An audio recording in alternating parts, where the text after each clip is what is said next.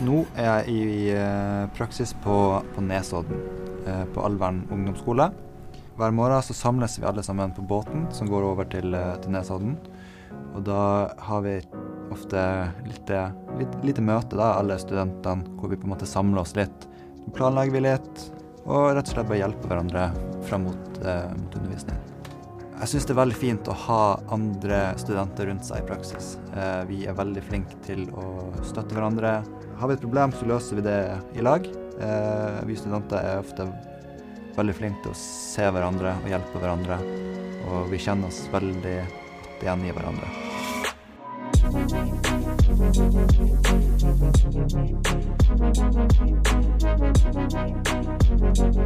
Åttende trinn er veldig gøy. Eh, de har nettopp kommet fra barneskolen. Det er en overgang både for dem og for oss. Den første praksisen, da innser du hva det er å være lærer. Det viktigste for et barn er å være trygg og ha en fin hverdag. Det skal være en kreativ plass hvor elevene skal få lov til å utvikle både sin identitet og også eh, begynne å planlegge framtida si, begynne å forme livet sitt, egentlig.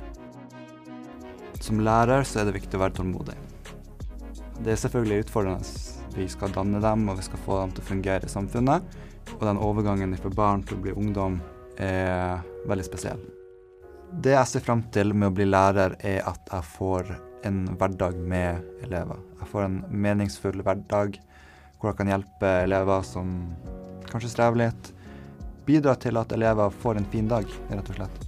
Hvis du er opptatt av å lære, og hvis du er tålmodig og har omsorg for dem rundt deg, da anbefaler jeg deg å bli lærer.